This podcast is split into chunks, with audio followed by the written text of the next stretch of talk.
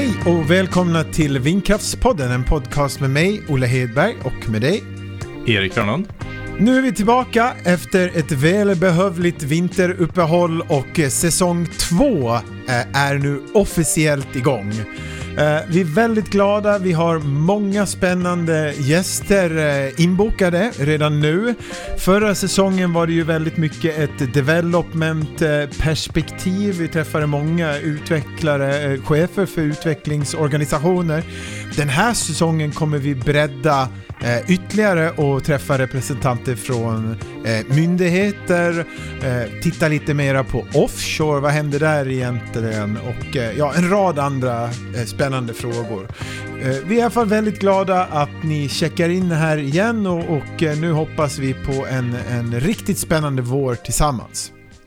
Men eh, ja, det är mycket som är på gång. Hur är läget med dig Erik? Jo men det är jättebra. Det är väldigt kul att vara igång här nu efter juluppehållet igen. Och jag har verkligen kickat igång här med, med kunderna med, med, på full fart. Eh, så att eh, fullt drag med de befintliga kunderna, jätteroligt. Eh, men också väldigt roligt att vi har fått in fler förfrågningar på nya uppdrag. Så att det känns verkligen som att vi har landat rätt i branschen och att vi har en spännande vår framåt, hoppas vi. Eh, men också väldigt roligt att eh, vi har eh, Olivia med oss och att hon har kommit in väldigt väl i verksamheten. Och bland annat projektleder podden men också är ute och jobbar väldigt väl med våra kunder. Så att ja, det känns jättekul och, och ser fram emot en, en spännande vår. Hur är det själv då Ola? Ja, men verkligen, eh, verkligen eh, superpeppad här på en eh, spännande spännande vår. Och det har ju hänt mycket på marknaden också och vi har ju diskuterat och tänkt här lite att vi ska köra ett inslag i början på avsnitten här den här säsongen som vi kommer kalla för Marknadskollen. K kanske Marknadskollen med Erik för att eh, det får väl bli du i huvudsak som försöker att hålla en liten överblick över vad som händer och, och rapportera här till alla lyssnarna. Så de kommer inte behöva prenumerera på dig i längre utan nu kommer de få allt från dig Erik.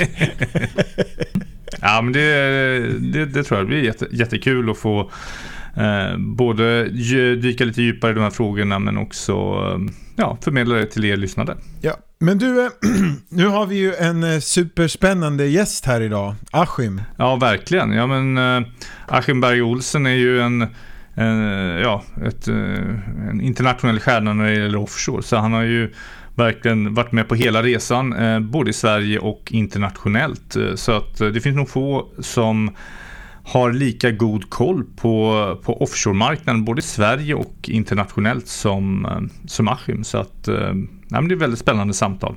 Ja, verkligen. Och spännande. Jag har ju haft eh, Achim här som chef eh, i ja, fem år får man väl säga och eh, har lärt mig väldigt mycket av honom. Så Nej, det känns jättekul att vi får dela det här med eh, våra lyssnare och eh, jag tycker eh, nu kör vi igång.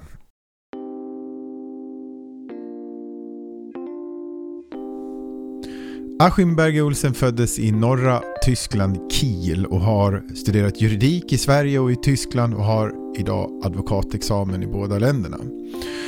Askim har varit en betydande del av utvecklingen av offshore vind i Europa Sverige och eh, på senare år även i hela världen då under Askims ledarskap har VPD Offshore gått från en marknad till etablerad nära på ett 20-tal marknader med en stor organisation. Askim har också eh, erfarenhet och har varit ansvarig för byggnation av flertalet av VPDs projekt. Hej Askim och välkommen till eh, Vindkraftspodden.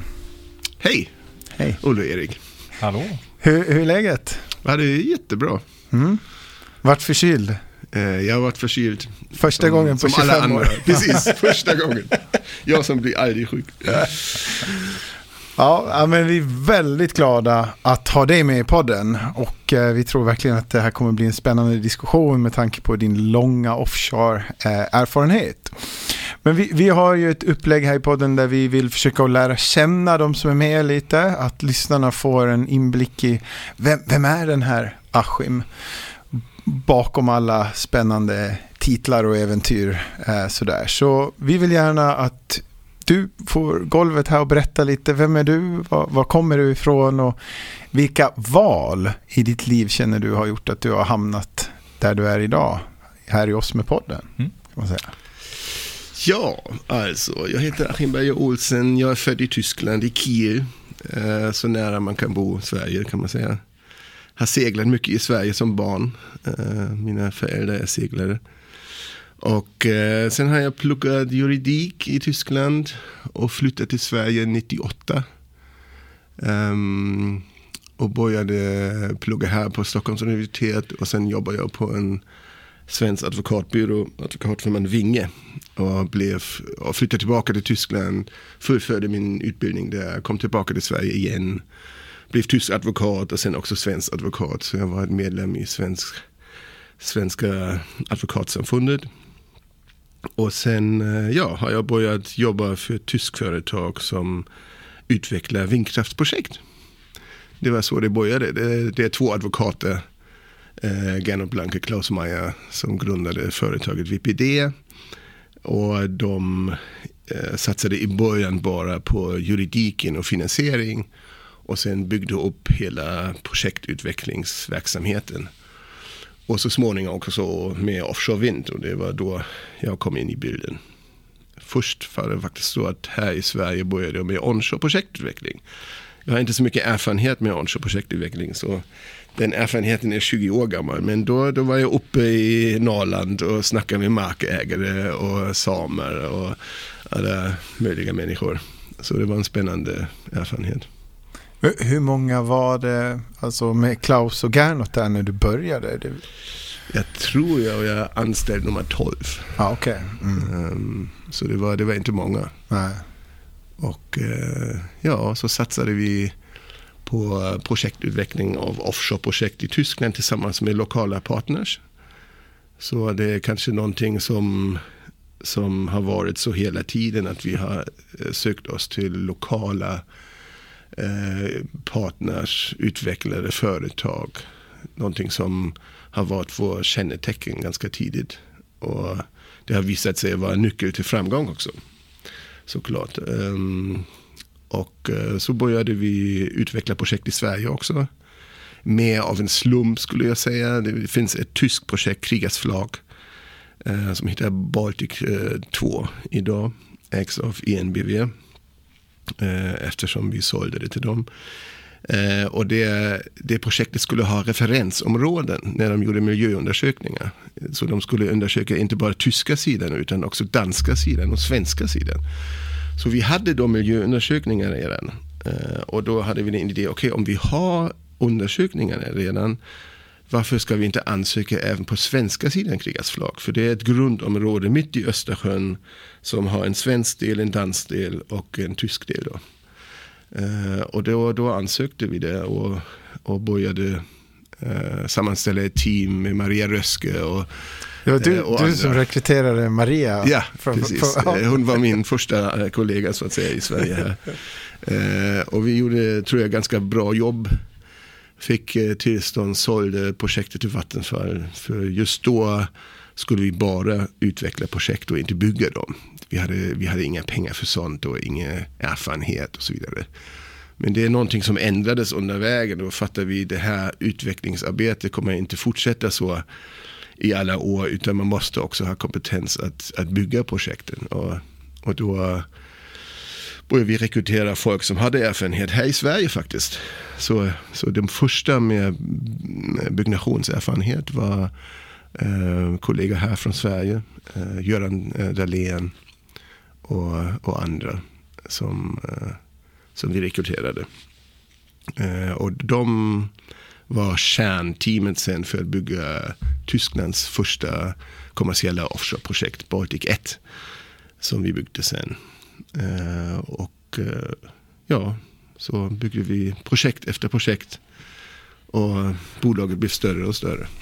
När gick ni in på fler marknader då? För att började då med Tyskland och sen Sverige offshore så att säga. Och sen när sen kom blev Frankrike? det väl Frankrike tror jag var nästa marknad. Som Danmark också där vi gjorde samma sak, använde de här miljöundersökningar och gjorde en sån open door application. Det var mindre framgångsrikt men eh, Frankrike var väldigt framgångsrikt. De projekten byggs ju just nu och är snart färdiga. Eh, det är två stora projekt. Ficon och Calvados. Eh, och sen började vi i Italien också. Igen någonting som inte var så framgångsrikt. Men så kom det andra länder som Taiwan sen som var väldigt framgångsrikt. Och andra länder. Men, men, var det ni som var först i Sverige då med storskalig offshore? För det var ju vissa sådana mindre offshore med Kalmarsund och Bockstigen. Och så. Ja, vi var, var bland var de första ja. Eh, skulle jag säga. Ja. Vattenfall hade ju en period där, eh, där de upptäckte offshore vind och köpte olika företag. Elsam i Danmark och sen köpte de Lillgrundet i, i Sverige av Eurowind. Och det, var, det projektet var väl det, det första som var lite storskaligare. Mm. Och sen byggde det ju också, byggdes ju också på en gång. Mm. Eh, så jag vill nu påstå att det är de som, som var riktigt först. Men innan dess fanns ju också andra projekt, Utgrunden till exempel. och så. Mm. Men vi var kanske de första som, som hade riktigt stora projekt med 5 megawatts turbiner. Mm. Som vi tyckte var jätte, jättestora och som inte fanns Nej. då det var fortfarande kändes det som en påhitt när man ansöker för en 5 megawatts turbin och sen visade det sig att eh, när man kunde bygga projekten att eh, utvecklingen hade gått snabbare och turbinerna hade blivit ännu större. Men jag tänker där, alltså alla de här åren så, så under tiden har ju hela den här offshore-industrin utvecklats ordentligt. så. Uh, liksom hur har hela den resan varit? Jag tänker i början här vid millennieskiftet, då fanns det väl inte så strukturerat sätt att jobba med den här projekten? Eller? Nej, det, det var, i princip var det R&D verksamhet Eller många ansåg att det, det, var det och det ansågs som väldigt riskabelt. De första projekten i Tyskland var ju inte kommersiella Alpha Ventus utan det var demonstrationsprojekt.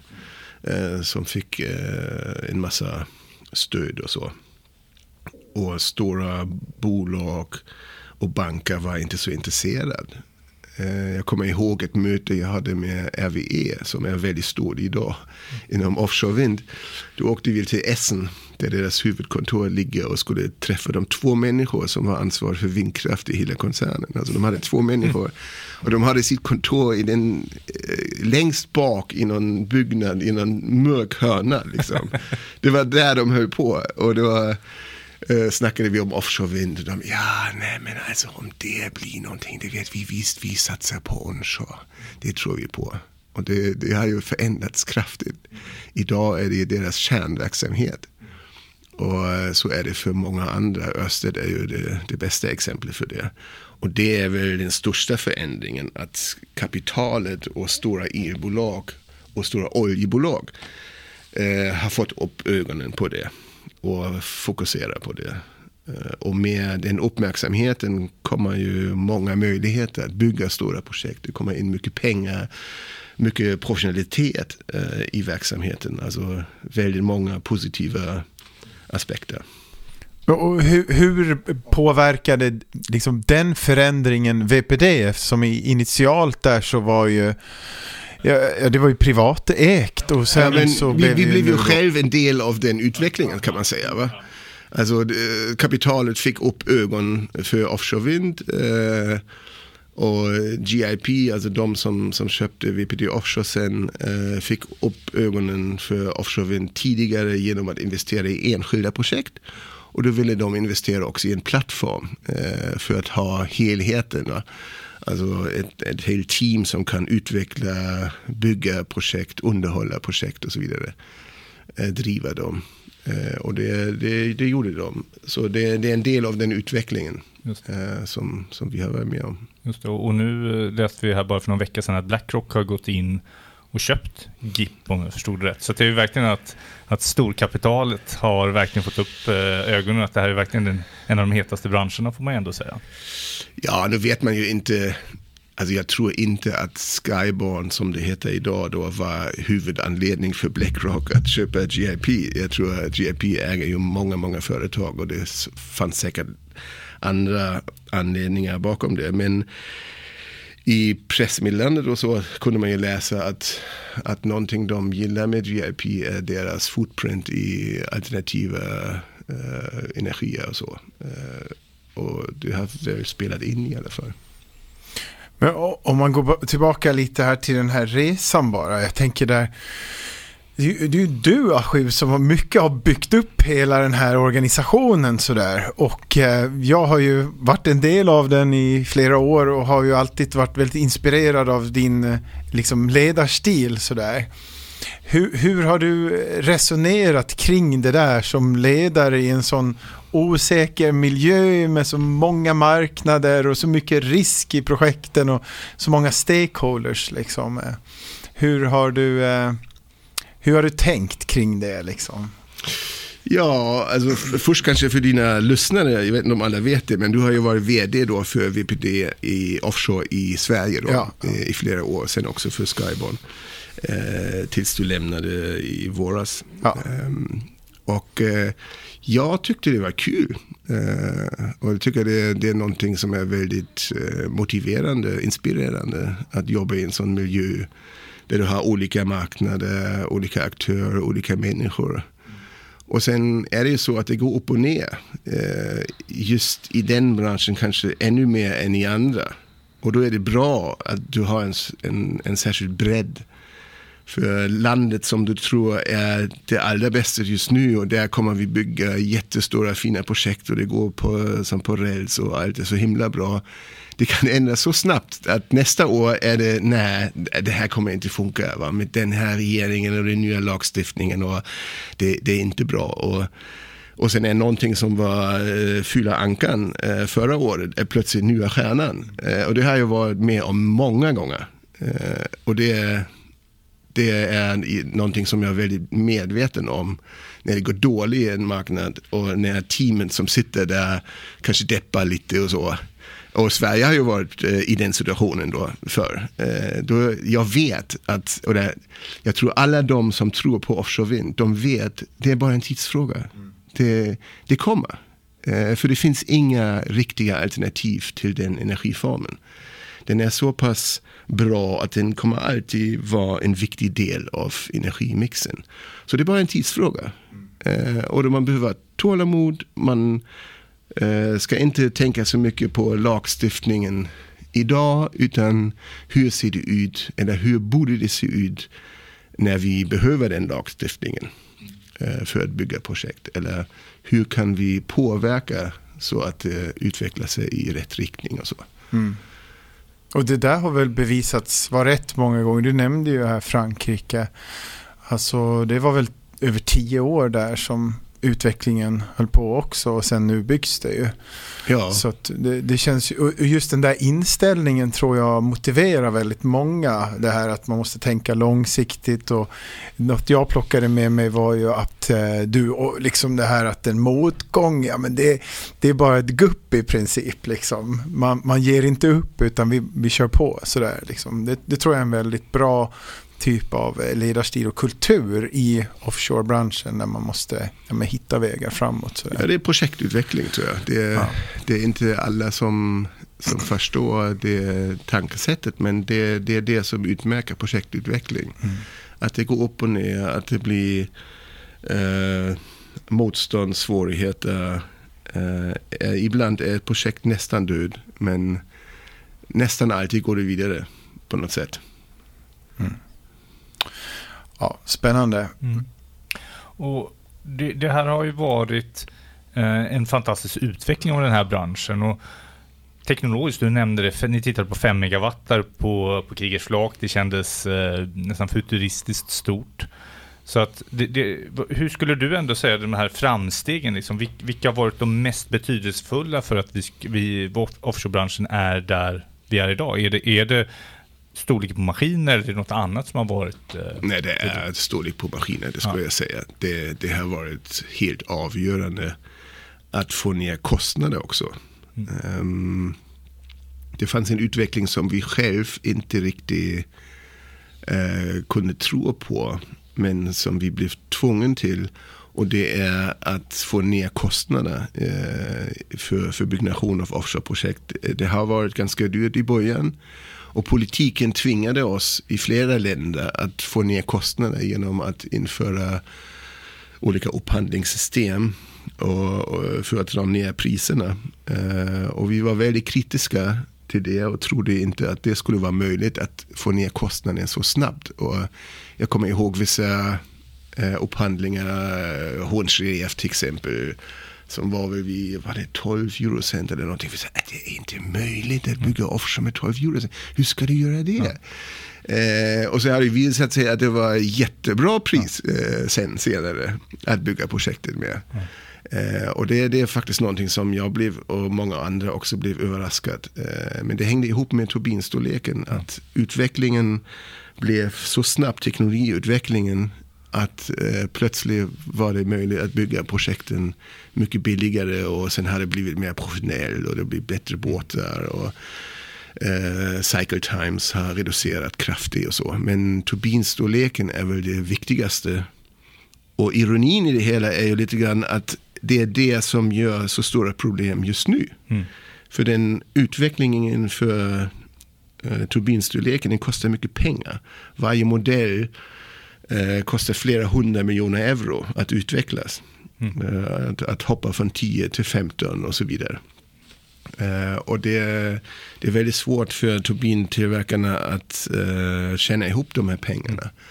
Så ingen av dem har egentligen riktigt tjänat på utvecklingen mm. av, av branschen. Och det, det är de inte beredda att acceptera längre. Så nu har de skruvat upp priserna så rejält att det plötsligt inte går att bygga projekten längre. Ja. Så nu eh, sitter vi där i en sån här moment 22. Vad, vad, vad ska vi göra? Mm. Eh, och det hänger ihop med den snabba turbinteknologiutvecklingen. Eh, mm. Ja, det blir, blir aldrig de här stordriftsfördelarna eller liksom att man kan ha en generation i många år och ta de här investeringarna man gör i liksom produktionskapaciteten.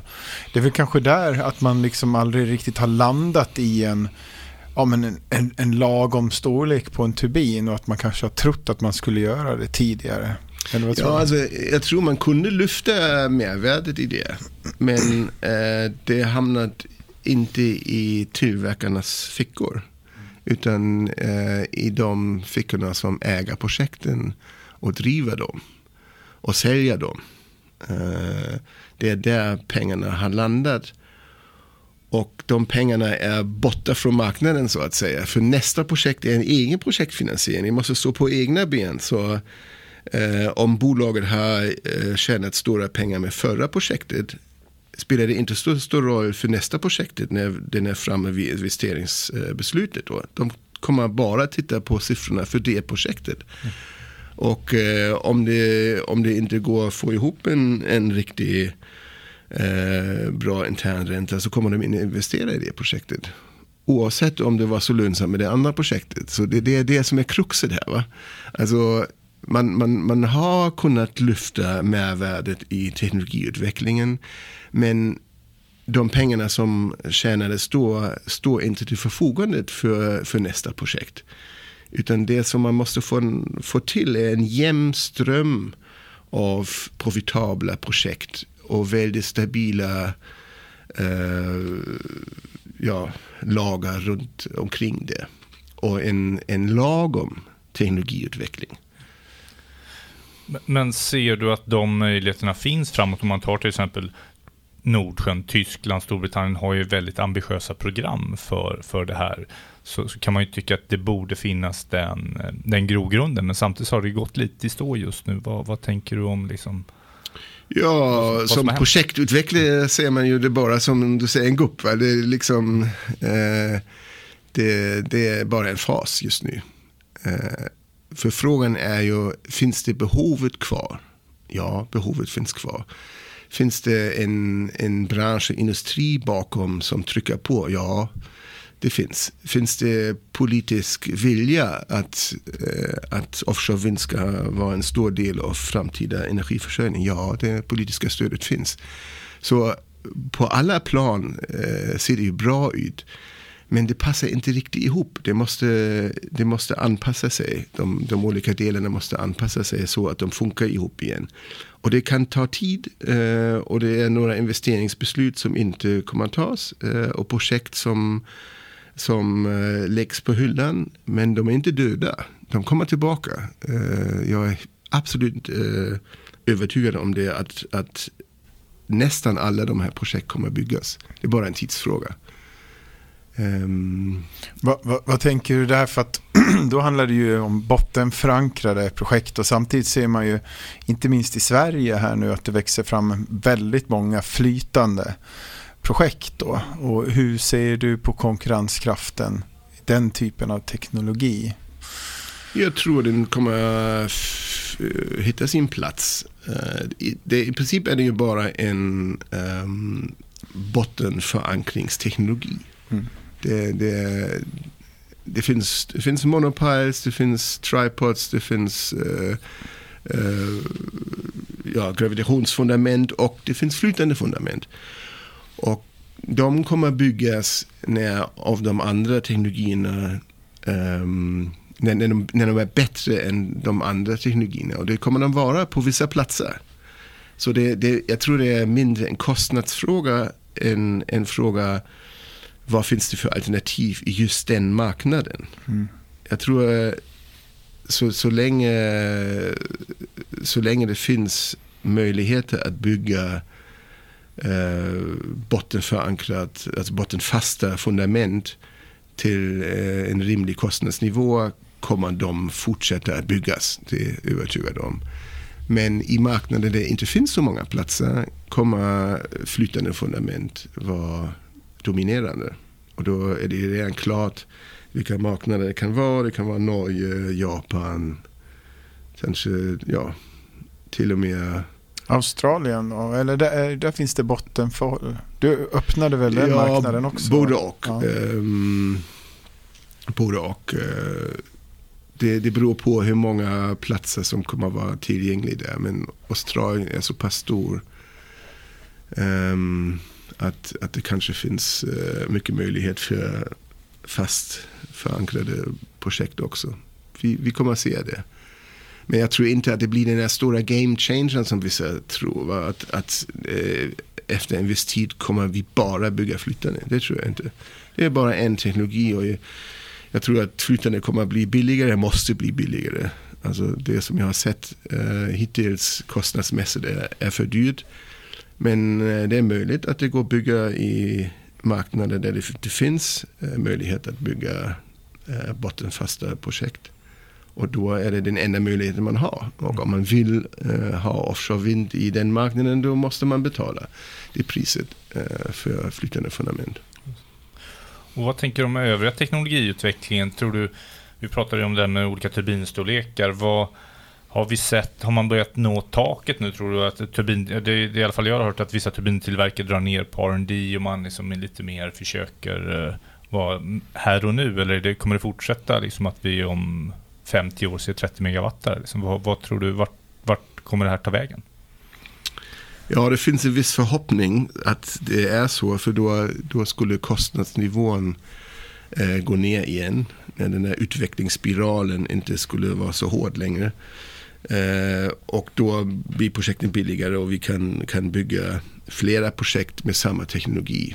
Det har varit baksidan som jag sa att eh, en ny teknologi används i några projekt men det kommer nya upphandlingar som upphandlar det med den nästa teknologin. Och så kan den gamla teknologin inte byggas eh, tillräckligt ofta för att bli lönsam. Och det är någonting som vi absolut måste säkerställa i framtiden att en viss eh, teknologicirkel eh, då hålls i flera år. Att eh, det är många projekt som byggs med samma turbin. Mm. En, en, annan trend vi ser det är ju att de här projekten blir ju större och större, inte minst kanske här i Sverige. Uh, och, och då blir ju hela det här systemperspektivet allt eh, viktigare. Vad, utifrån din bild här och, och tankar, vad, vad, vad, tror du är den bästa lösningen för att integrera det här i ett system om vi nu ska ha en stor andel vind generellt kan man säga, men särskilt de stora liksom, projekt med en stor nätanslutning? Jag tror det är många fördelar med stora projekt. Man kommer få ner eh, drift och underhållskostnader. Man eh, har en stor mängd energi som man kan tillföra systemet. Eh, sen måste man såklart ta hand om den också systemmässigt. Men det är mer en fråga för systemet, inte för projektet själv. Men för, för samhället i sig är det bra eh, med stora projekt. Och um, sen tror jag att det inte bara kommer att finnas sådana här jättestora projekt. Utan det finns en egen marknad också för kustnära projekt. Kanske med mindre turbiner. Och en annan underhållsstrategi. Eh, där, man, där man inte måste bo med sina tekniker långt ute till havs på plattformar eller bovässel eller så. Utan man kan uh, åka in och ut varje dag och folk kan sova hemma. Uh, det, det, tror jag också på. Uh, och det, det, är också viktigt för acceptans av teknologin. Att det finns viss lokal anknytning. Och vad, vad, tänker du eh, kring vätgas? För det är också ett sätt, lite som Olle är in på, det där, men hur integrerar vi det här i, i systemet? Och kunna stoppa in flera gigawatt på en och samma anslutningspunkt på, på stamnätet kan ju många gånger vara, vara en utmaning och att då skulle vätgas kunna vara ett sätt att hantera det. Vad, vad, vad tänker du om, om eh, ja, transportera energi i form av vätgas?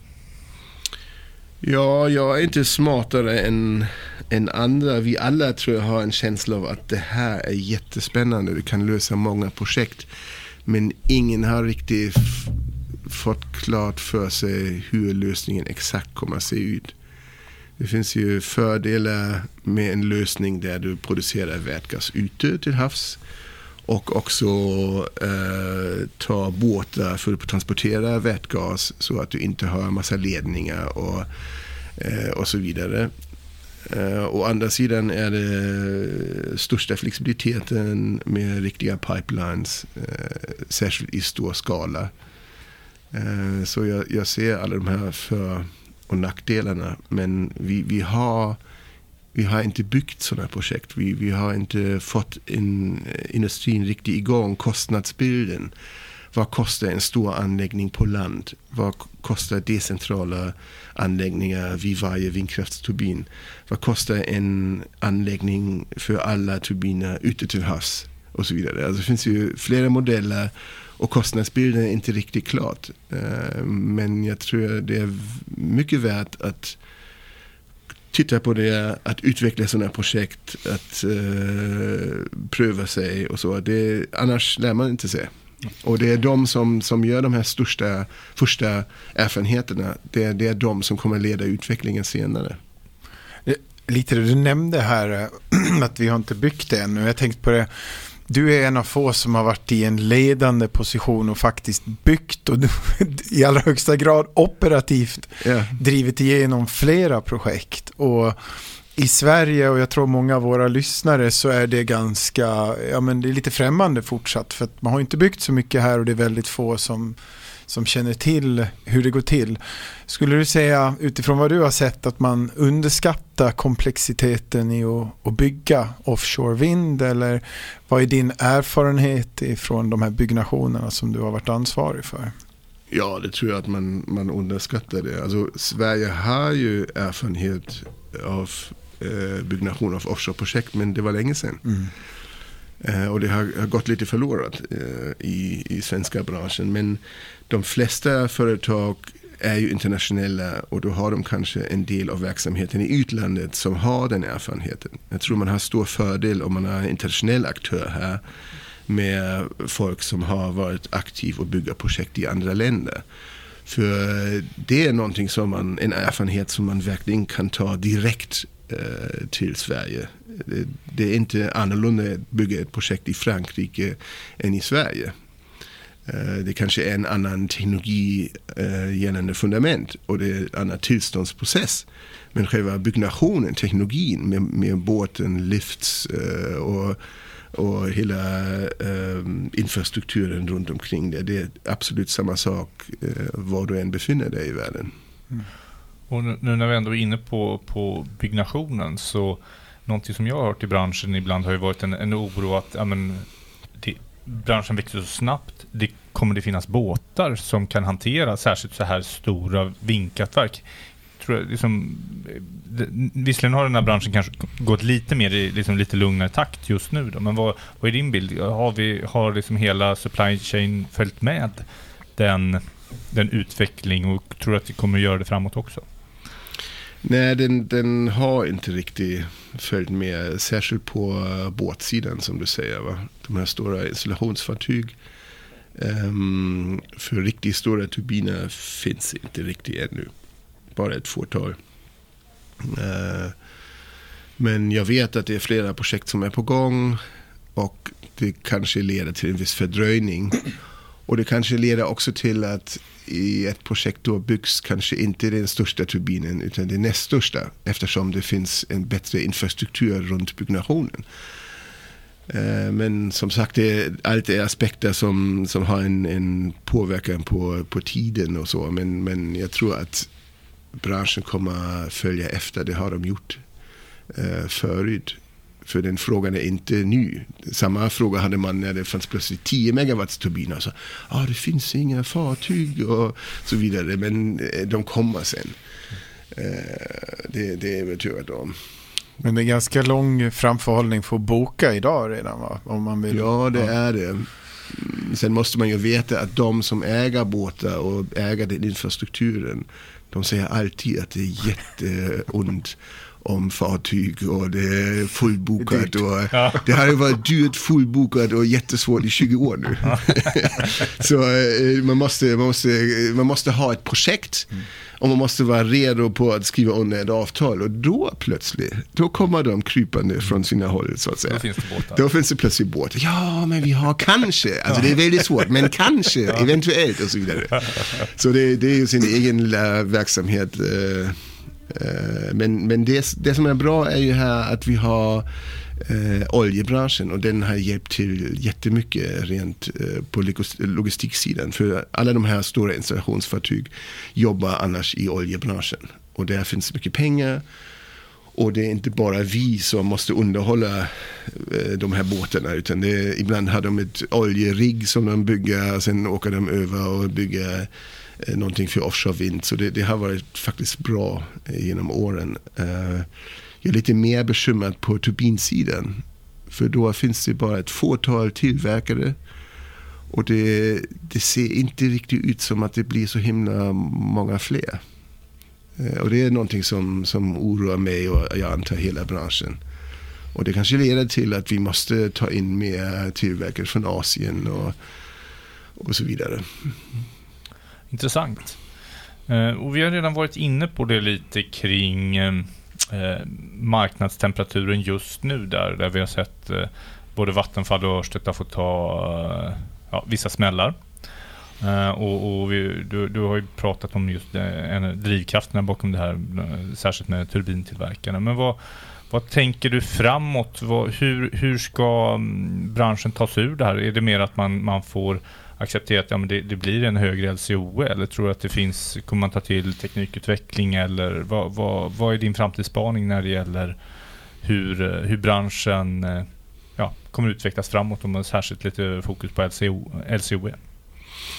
Ja, oftast är det ju inte en lösning som, som eh, löser hela problemet. Utan det är flera lösningar som måste sammanlänkas och som tillsammans då Eh, få eh, ett projekt eh, eh, att byggas och sen nästa och så vidare. Eh, så jag tror att alla som har stora marginaler får kanske dra ner lite på sina marginaler. Så det, då handlar det kanske om projektutvecklare, de som äger projekt, de som finansierar projekt, där pengarna sitter turbintillverkarna måste kanske bli lite mer realistiska att de också måste sälja projekt. Det går inte bara att ta upp priserna och, och ha orimliga förväntningar. Så de måste ha mer rimliga förväntningar och så måste folk mötas igen.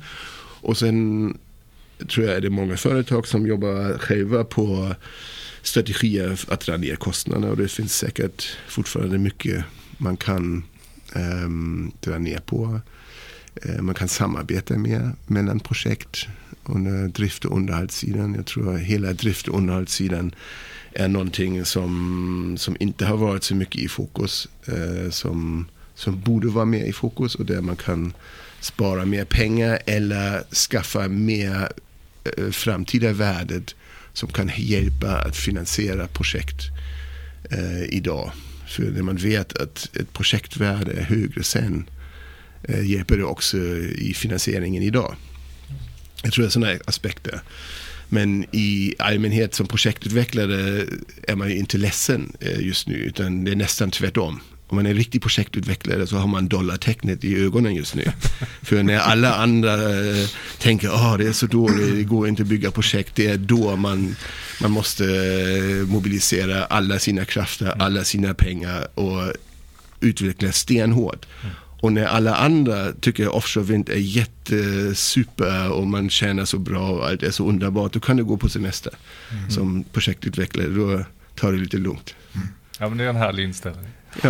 Eh, om vi tittar lite på finansieringssidan så en, något som vi har väl pratat flera gånger om under eh, säsong 1 så har det varit att vi har sett lite utilities återkomst på investerarmarknaden. Att man har sett att en normaliserad räntemarknad då har lett till att finansiella spelare kanske inte riktigt har samma konkurrensfördel som eh, industriella spelare. Eh, tror du att det kommer fortsätta framåt även i offshorebranschen då? Att eh, det är mer eh, investeringar på egen balansräkning snarare än att man säljer åt andra? Ja, det hänger ihop med räntebilden. Så kanske den är ju i, på väg att gå ner igen. Då finns det flera tecken. Och det skulle leda till en återkomst av eh, projektfinansiering eh, igen. Så även där tror jag att det är eh, ja, det är en utveckling som går upp och ner, det är vågor. Just nu är det en liten utility och balansräkningsvåg eh, och den har vi ju sett förr. Eh, det fanns eh, tider där det var väldigt svårt och ovanligt att projektfinansiera offshore vind. Jag vet när vi finansierade Butendik då var det väldigt små delar som varje bank skulle finansiera. De skulle ta eh, jag tror 50 miljoner euro var. Mm. Alltså det är en, en pytteliten summa och för tre, fyra år sedan skulle du kunna måla en nolla till. Liksom 500 euro, miljoner euro. Inga problem för en enskild bank. Mm. Det var inga problem. För det var liksom pengar ut så mycket, så stort som möjligt. Nu har det ändrats lite grann. Men som sagt, det, det kommer tillbaka igen.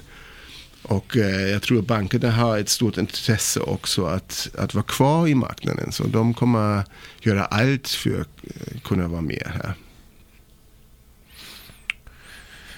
Spännande. Ska vi, du nämnde det lite tidigare det här med att när man utvecklar och kanske särskilt om man är närmare kusten och sådär ehm, så är det viktigt att det, det ehm, ja, men uppstår en lokal nytta. Och det är väl kanske särskilt då med tanke på Sverige och vi har ett veto där vi då måste redovisa fördelar och motivera politiken att säga ja helt enkelt.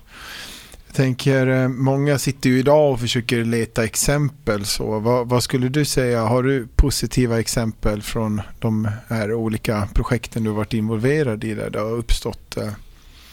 Absolut, det skulle jag vilja påstå. Alltså de kustnära projekt som vi har byggt har en underhållsverksamhet eh, som styrs lokalt idag med lokalanställda i eh, närområdet. Vi har eh, ett visst intresse av eh, lokalbefolkningen i parkerna, även turister som åker ut, eh, som informerar sig. Vi har alltid en stor intresse av politikerna, för det är enklare att komma till de här projekten. Eh, så de är flitiga besökare. Eh, och eh, delvis har det också lyckats med en lokal tillverkningsindustri. Men det som är viktigt där är att det, det, det får inte bara vara ett projekt eller två. Det måste vara en sån steady flow of projects mm. eh, för att underhålla den tillverkningsindustrin. Och det, det har väl gått sådär. Mm.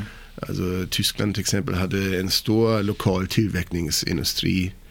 Eh, och det, det, det mesta av det har, har dött ut för det fanns inga projekt därefter. Så det är nästan, det är många regeringar som har gjort det felet. Att de, de har fått upp verksamheten med visst stöd. Och sen har de gjort någon förändring i lagen eller i stödsystemet att projekten inte byggdes plötsligt längre. Och då går hela tillverkningsindustrin ner. Men visst var det också i Frankrike valde väl nu senast Siemens att förlägga någon produktionsanläggning där. Om man skulle producera lokalt ändå. En, in, an, ganska nära anslutning till projekt där va? Ja, alltså Frankrike har ju haft en lagstiftning nästan som kräver det.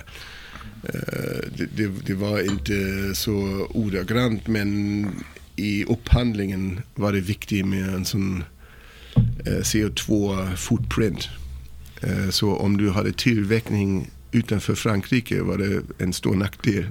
Så det är klart att alla valde då att ha lokal tillverkning. Och, och den industrin har byggts upp nu i Frankrike och nu är den stora frågan, eh, kommer det är flera projekt i Frankrike i jämn takt så att eh, de fabrikerna kan leverera till flera franska projekt.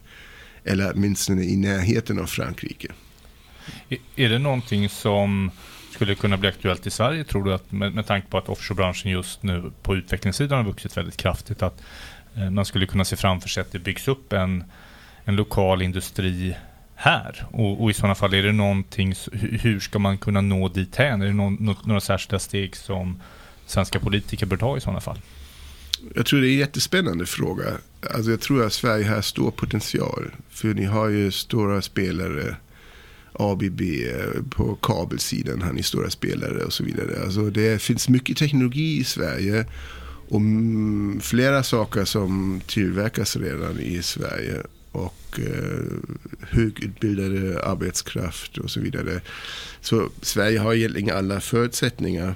Eh, jag tror man får eh, djupdyka eh, lite i, i den frågan och verkligen analysera vilka företag som finns i Sverige. Vad tillverkar de idag? Vad behöver branschen? Vad är det för lite konkurrens just nu? Vad kostar det mycket pengar att transportera saker? Alltså man, vi, ser ju, vi såg ju under corona hur, eh, hur viktigt det är med lokal tillverkning för att undvika hela den långa transportvägen från Asien.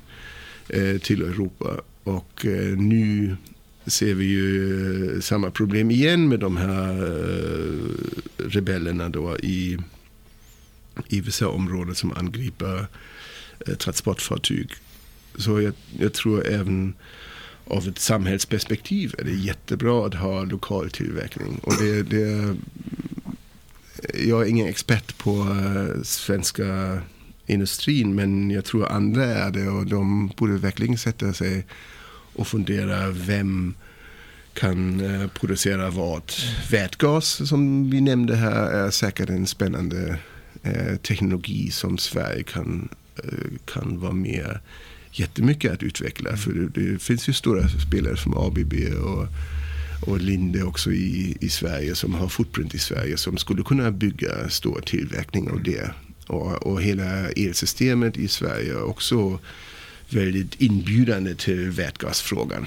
Alltså det, det är ingen slump att vi som VPD och Skyban har också satsat på, på vätgas i Sverige, just i Sverige. Jag, jag, tror Business Sweden är en, de har fått lite det där på radarn med att potentialen av att lokalisera liksom, ja, en större samling kring leverantörskedjan i Sverige och jobba mycket med det. Det borde du snacka med. Jag tror hon heter Ann Liberg eller något sånt där.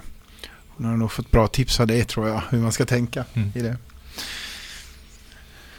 Men om man tar, du, du är ju ändå, man får ändå säga det, en av de som mest insikt i, i den globala offshore-marknaden. Om du ska ge någon liten framtidsspaning här, att om vi, vi flyttar oss framåt eh, 5-10 år? Var, var, tror du den globala offshore-marknaden, hur, hur, hur, ser det ut då? Vad, vad tror du kommer ändras från, eh, från nu?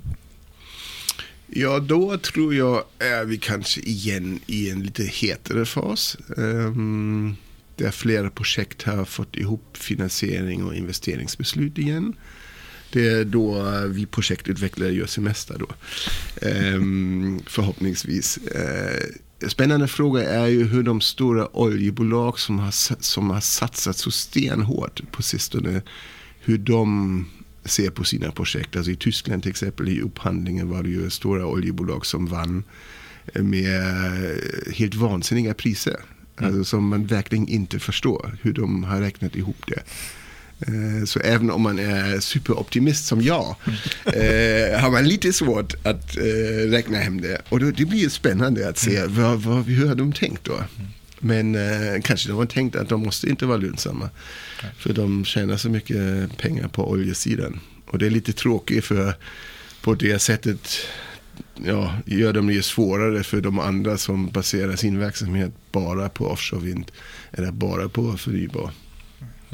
Och tror du att eh, om vi tar vår eh, del av världen, eh, Europa här, kommer vi kunna vara konkurrenskraftiga då eh, gentemot eh, andra regioner här? Eller är det, ser, ser du att, eh, ja, hur, hur är framtidsspaningen där? Europa kontra USA, Asien, Australien och så vidare?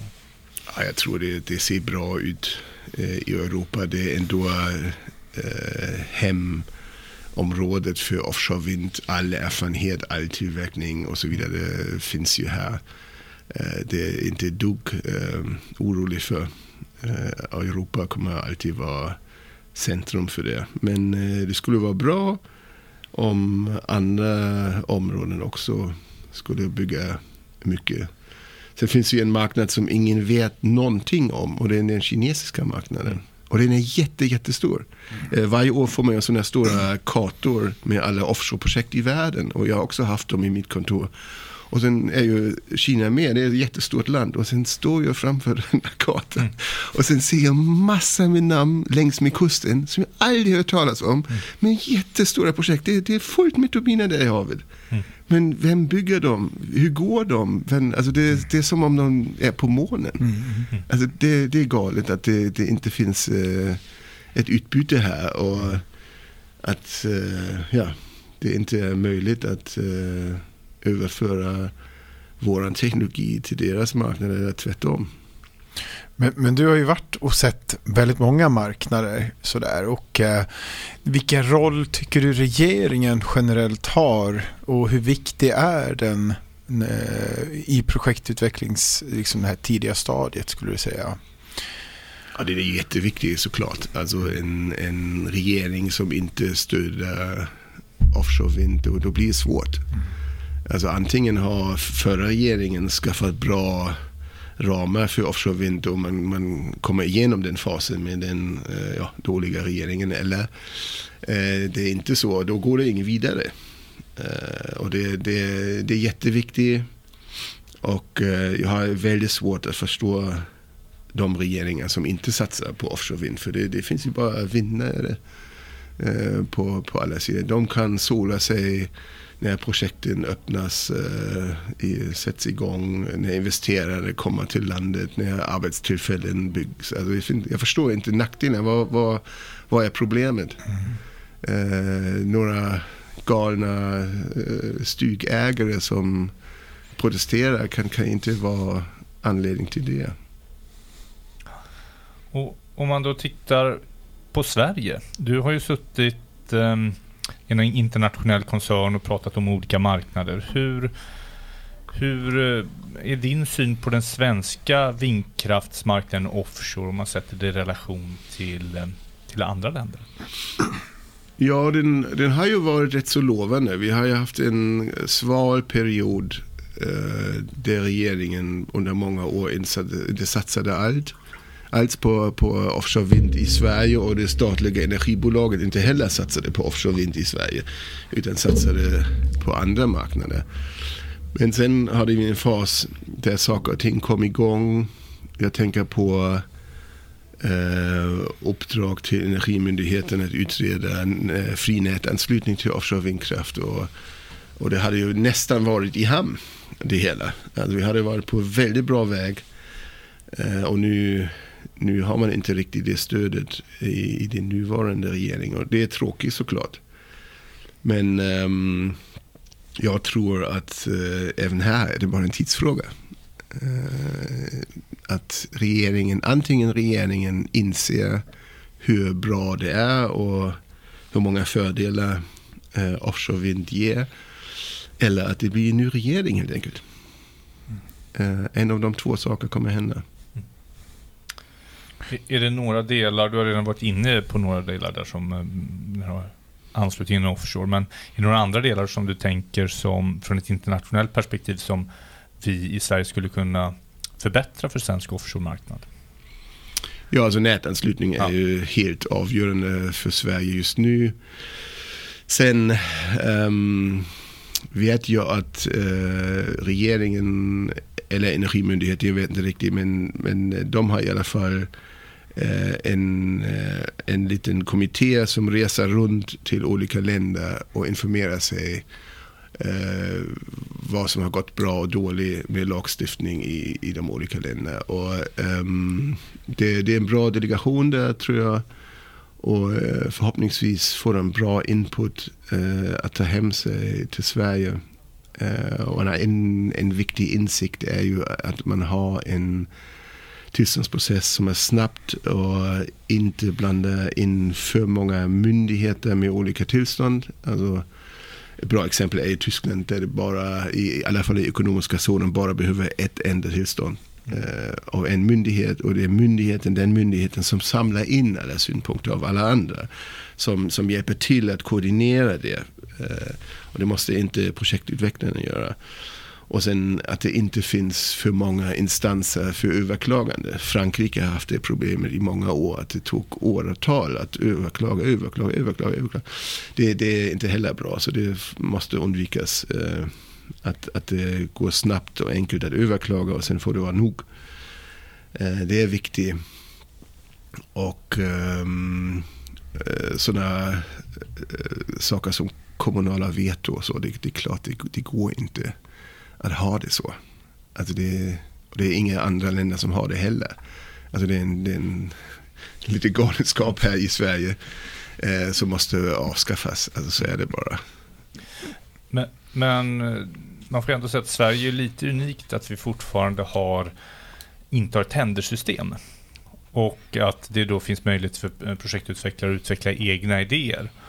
Eh, vad tänker du? Liksom, du har ju varit med i, i olika typer av system. Vi, hur, hur ser, vad tänker du om det svenska systemet i relation till ett tändersystem? Ja, det tycker jag är väldigt bra med Sverige. Att Sverige inte har ett sånt tändersystem. För um, det är det här tändersystemet som har varit kruxet nu med kostnadsutvecklingen. Den har uh, drivit fram teknologiutveckling, men den har överstyrt. Det har blivit för mycket press så att teknologiutvecklingen gick för snabbt, som blev för dyrt, så nu kan vi inte bygga projekt. Och att jag, jag tror att marknaden själv kan reglera det i mycket lugnare takt. Eh, så som det är i de flesta andra branscher. Då finns det inga offentliga upphandlingar. Om du vill bygga en, en, eh, en stor eh, supermarket någonstans. Då behöver du såklart din, ditt eh, tillstånd för att bygga den. Men sen kan du öppna din affär och anställa folk och, och bara du sköter dig. Eh, och eh, om du vill ja, eh, bygga andra verksamheter är det samma sak. Men av någon konstig anledning tror man att staten måste reglera så mycket runt prisbilden här med, med el och så vidare. Eh, och det tror jag är fel. Eh, jag tror att marknaden själv kan reglera det. Det måste finnas eh, regler runt nätanslutningen. Det måste finnas regler runt byggnation eh, för att, att få ett byggtillstånd. Men annars behövs det ingen lagstiftning, upphandling eller någonting. Offshore vind är så konkurrenskraftig idag att vi kan erbjuda elpris till konkurrenskraftiga priser. Bara vi får eh, hjälp med infrastrukturen runt elanslutningen. Som andra kraftslag får ju också. Va? Alltså eh, om du bygger vattenkraft eller eh, atomkraft eller någonting, du behöver inte betala för nätanslutningen. Den, eh. Och det är rätt rimligt också med tanke på att ett projekt står ju i, oftast inte så länge som den här infrastrukturen. Den kan ju säkert nyttjas flera gånger om på en given plats då. Eftersom du har ju en längre teknisk livslängd ofta på transmissionsnätet än vad du har på projektet. Så man kan ju liksom som start räkna hem det i ett längre perspektiv. Ska vi gå in på sista segmentet får vi väl göra så vi hinner. Du skulle till frisören va? Ja, precis. Jag sitter här med en jättelång matta. ja. Nej, men vi har eh, lite sådär kompetens och framtidsspaning del. Ja. Och eh, några små frågor där hinner vi nog med. Så vilka kompetenser tror du blir mest efterfrågade i framtiden inom vindkraftsindustrin generellt då, om du tänker i ett längre perspektiv? Och om det är någon som vill in i den här branschen, vad, vad tror du man ska sikta på? Vilken typ av... Eh...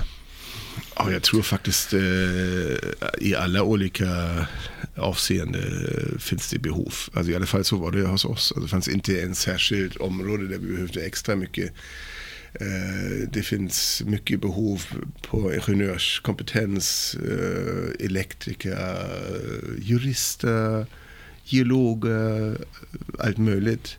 Det som, som har varit eh, viktigare, som vi inte har satsat riktigt eh, från början var ju ehm, elhandel eh, och origination. Jag tror det, det är ett spännande område. För det är där prisbilden kommer formas eh, i framtiden med PPA och till vilket pris kan man sälja sina Eh, alltså el från sina projekt. Det kommer bli väldigt viktigt i framtiden och folk som är duktiga där äh, sitter mitt i centrum äh, av den avgörande frågan. Äh, jag vet att, att Skyborn har ju satsat på det nu väldigt bra och jag antar att andra bolag gör också det. Så det, det är säkert ett viktigt område. Och om man ska, kommer in som ny här och eh, drömmer om en sån raketkarriär som du har gjort. Är det några råd på vägen som du skulle ge då om man kommer in som ny här och är 25 år och är på väg och har pluggat klart juristlinjen och vill ge sig in i den här branschen? Oh, alltså jag tror man får inte stressa upp sig, det är aldrig bra. Man ska nog vara sig själv och man ska se till att man har kul med det eh, man gör. Man, man ska inte försöka pressa sig in i någonting som inte passar en. Eh, sen måste man ju, eller borde man jobba mycket. Och jag, jag, läste, eller såg en liten sån chart med Barack Obama häromdagen där han fick den här frågan. Eh, vad, hur kan man bli framgångsrik och så vidare. Och så sa han, ja han har träffat så många eh, människor som varit så duktiga på att beskriva problem och liksom lägga det fram vad som är svårt och så. Men det som verkligen behövs är ju de som löser problem, doers. Mm. Eh, så om du vill göra en karriär, det tror jag är bra om du kan presentera lösningar. Som chef är du alltid lite småstressad, du har lite tid. Du förstår ett problem ganska snabbt. Men sen är den stora frågan, okej, okay, men vad gör vi nu? Vad är lösningen? Och en som inte bara eh, presenterar problemet utan också flera lösningar. Okej, okay, det här problemet, men vi kan nu göra eh, A, B eller C. Och jag tycker C är jättebra för att, och nu har jag förberett redan det här, bla bla bla. Det, det är sådana som, som kommer med problemet och lösningen som kommer göra en snabb karriär tror jag. Är det någonting du ångrar som eh, i din karriär som du tänker att ah, men det där skulle jag ha gjort eh, på något annat sätt? Eller om jag hade fått eh, fatta samma beslut idag skulle det gått en annan väg? Ah, alltså det är ingenting man, man, man, man ångrar eh, mycket idag. Men såklart har vi tagit fel beslut eh, då och då. Vi har, vi har eh, haft möjlighet att komma in på amerikanska marknaden för tio år sedan. Det har varit jättelönsamt, eh, troligtvis, eh, att vara bland de allra första projekt och så. Och, och vissa andra beslut. Men, eh, men så är det. Alltså det är bara att acceptera. Det, det är inte värt att tänka mycket på det. Men jag tänker innan vi har en sista avslutande fråga här, men det var två saker. Det var, eh, ett, vad ska du göra nu? nu har du hoppat av. Eh, ja, ja, jag hade bestämt mig. Alltså, det är en otrolig lyx att ha all den här tiden och inte behöva gå till jobbet varje dag och fatta massa beslut och diskutera hundra saker. Så, utan att liksom fundera över saker i sin egen takt. Och det är det jag håller på med. Och det, det kommer jag njuta varje sekund mm. eh, tills jag har fattat det beslutet. Och sen nästa fråga. Om man vill komma i kontakt med dig, kan man kontakta dig då, lyssnare här och kan vi dela din e-mail i... Ja, men ja. det enklaste är LinkedIn-profilen. Okay. Jag tror mm. alla eh, är på något sätt länkat där och det, det har jag koll på. Mm. Eh, så det är bara att skicka förfrågningar. Mm. Ska vi ta sista då? Mm. Sista frågan här, och det är, det är ny. Vi hade en, en, eh, en, annan typ av fråga förra säsongen, nämligen om man finge vara en komponent i ett vindkraftverk. Men nu har vi en, en ny fråga här istället och det är eh, är det något eh, som du särskilt är stolt över? Något som var svårt och som du sen lyckades med? Ja, det, det är väl många saker som, som jag är stolt över genom åren. Alltså, först eh, såklart hela teamet som man har byggt upp tillsammans. Och det, det är många problem man har löst. Eh, Eh, en av de mest kända är ju när vi, när en tillverkare av ett um, um, OSS, en, eh, vad heter det på svenska, transformatorstation. Mm. När transformatorstations tillverkare gick i konkurs. Och uh, hela stålkonstruktionen stod där halvfärdig och vi visste inte vad vi skulle göra. Skulle vi börja med en ny tillverkare? Skulle vi hitta en annan tillverkare som bygger färdig? Eller skulle vi själv ta över 60 avtal och 500 byggare och byggare själv. Och vi gjorde det, tog det galna beslutet att, att eh, det sistnämnda då, att, att bygga det själv och ta över alla avtal. Och um, fixade det faktiskt uh, inom budgeten och inom tidsramen att bygga färdigt hela grejen. Och det var vår, vår största bedrift som har överraskat eh, alla, inklusive oss själva. Ehm, att vi lyckades med det. det. det. var såklart väldigt kul. Men det, det är många andra eh, saker också. Ja, men stort tack får vi säga Askim. Nu har vi ja, nu har det tajt här. Nöje. det var jätteroligt att ha med dig i podden. Ja, verkligen. Stort tack. Okej, okay. tack. Hej då. Tack, det var allt för idag. Gå gärna in och följ eh, Vindkastpodden på LinkedIn. Och du kan även prenumerera på Vindkastpodden på de stora podcastplattformarna såsom eh, Spotify och eh, Apple Podcast. Vi tar tacksamt emot feedback från er lyssnare och skicka också gärna frågor och kommentarer. Våra kontaktuppgifter hittar du på niveraenergy.se. Som avslutning vill vi passa på att önska dig en riktigt trevlig helg och på återhörande om två veckor.